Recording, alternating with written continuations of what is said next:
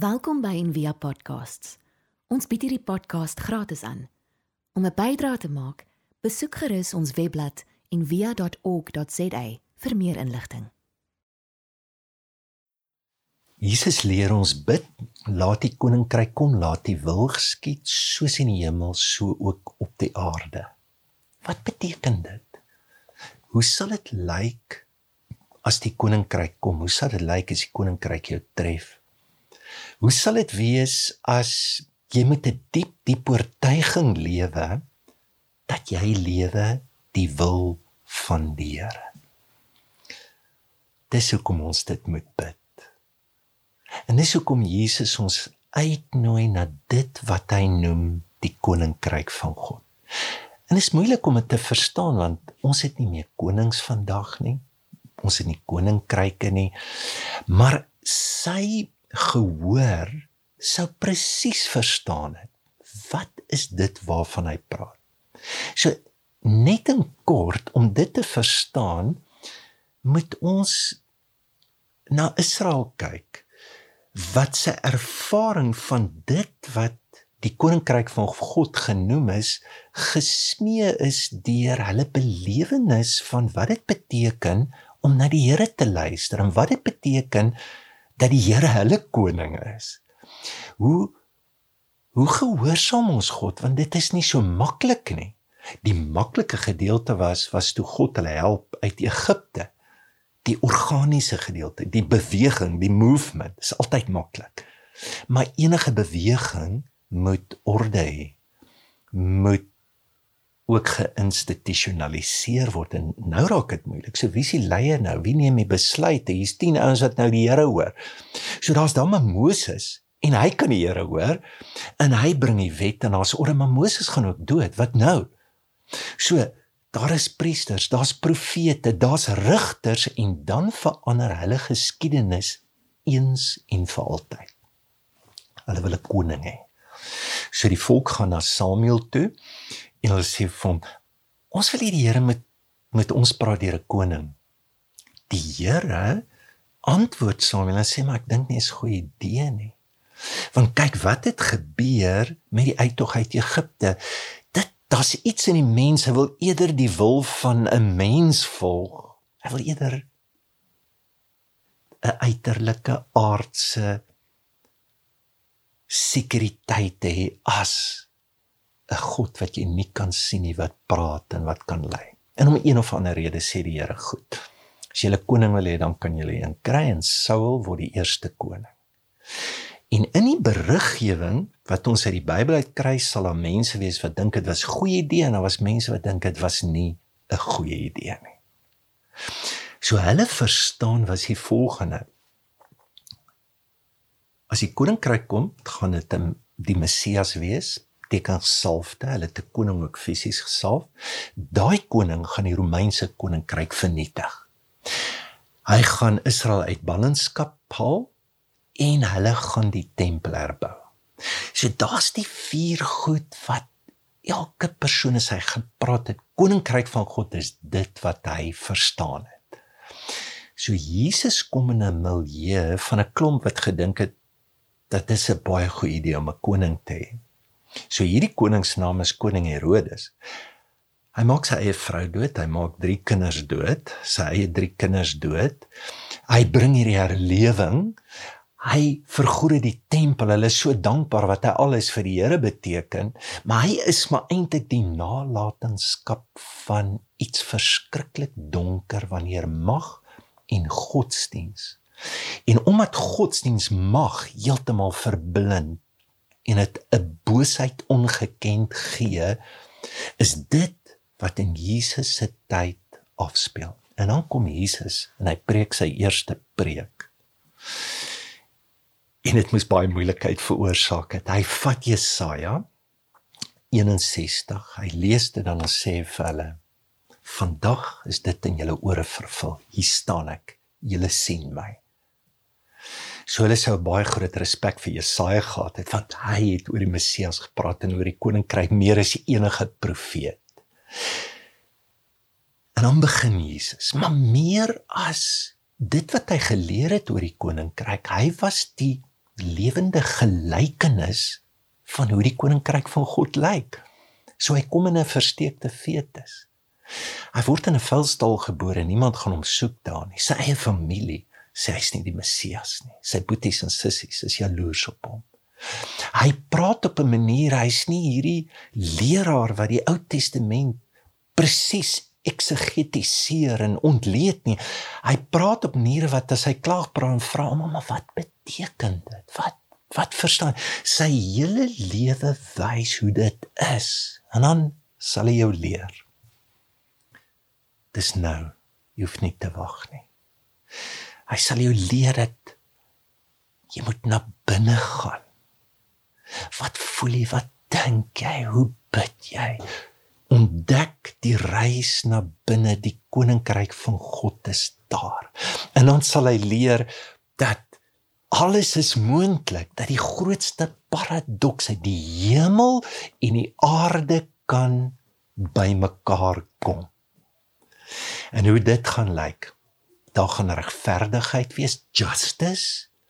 Daar gaan barmhartigheid wees en daar gaan vergifnis wees en weet jy wat? Almal is ingesluit. En as dit daar is, dis die koninkryk van God. Ek wil afsluit net met drie goed. En ek dink ehm um, miskien net voordat ek dit noem Brian McLaren het hierdie mooi boek geskryf The Secret Message of Jesus wat hy gesê het is die koninkryk van God. En hy het sê miskien moet ons nie dit die koninkryk van God noem maar miskien sommer Jesus se stories oor die koninkryk gebruik om daaroor te praat soos feesmaal familie ehm um, of of wat ook al. So ons jy jy kan sê waarmee jy ook al gemaklik sê koninkryk van God is God se gedig is God se radiostasie is God se webwerf is God se dans, is God se familie waar regverdigheid, barmhartigheid, vergifnis en 'n inklusiewe liefde nou op die oomblik besig is om te gebeur. So waarvoor bid ons as ons hierdie woorde bid? Ons bid in die eerste plek dat jy die moed sal hê om na binne te gaan. So luister wat sê Jesus. En hulle sal nie sê kyk hier of kyk daar nie, want die koninkryk van God is binne julle. Ons sal altyd terugval op 1 Samuel 8. Gee ons iemand. Ons wil dit in die charismatiese leier hê. Ons wil dit in die kerk se dogma hê. Ons wil dit in een of ander sekuriteit hê, want dis vir ons baie makliker, maar ons wil nie die harde werk doen. Ons is te lui want dit is verskriklik moeilik. Dit vra tyd. Dit dit vra diep refleksie. Dit vra lang tye met God om my innerlike landskap te kan verstaan en te kan sien maar waarheen nooi God my uit. Om te bid in die diepste vorm van gebed is kontemplasie. En al wat die woord beteken is om saam met God uit die tempel te kyk. Die tempel, daar was sy teenwoordigheid. Dis om binne toe te gaan in my lewe om saam met God na hierdie wêreld te kyk. Dan in die tweede plek, wat bid ons as ons vra laat die koninkryk kom? Jy bid vir nou. Wat is dit in ons wat die hele tyd uitstel? Ons het hierdie naweek Lukas se 13de verjaarsdag gevier en is is so ironies. Jy jy kan jouself so in jou kinders sien. Hulle wil nie klein wees nie. Hulle wil groot wees. Hulle wil nie nog op skool wees. Hulle wil nie nog sukkel nie. Hulle wil net geld hê. Hulle wil net gemaklik lewe.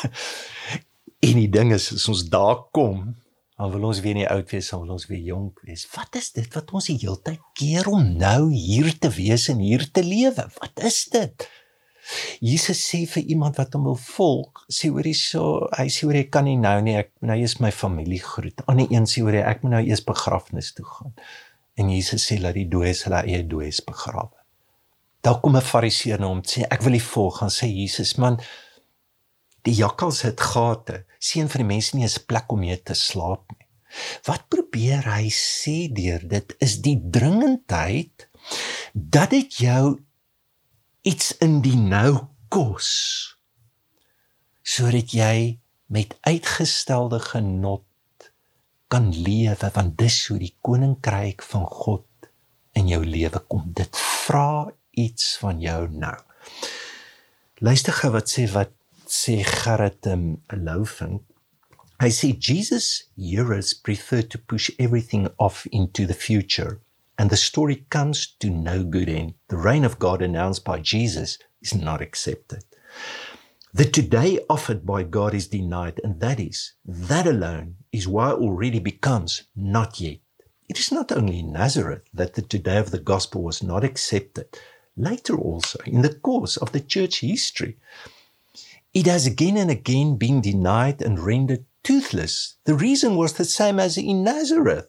Apparently, it goes against the human grain for God to become concrete in our lives. Then people's desires and favorite notions are in danger. And so are the ideas about time. It can't be today because that would mean that our lives have to change today already. Die laaste ding. As jy dit bid, vra jy vir die grootste hoop teen hoop op hoop.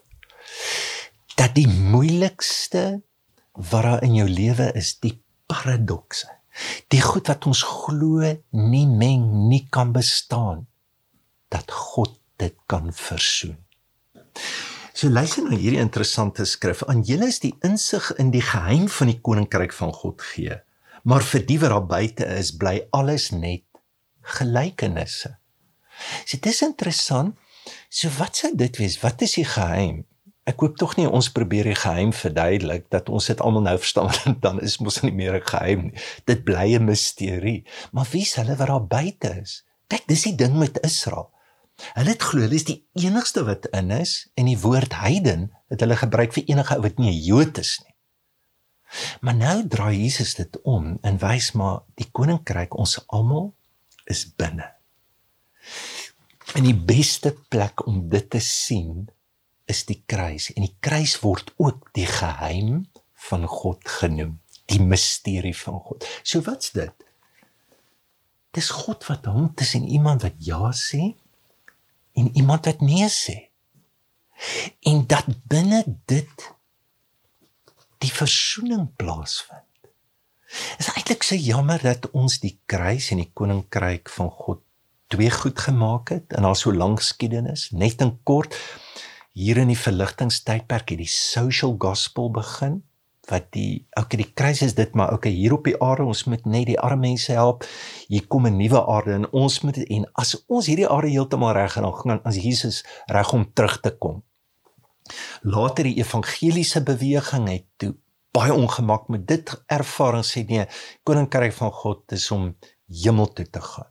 So die kruis is dit, koninkryk van God is dit.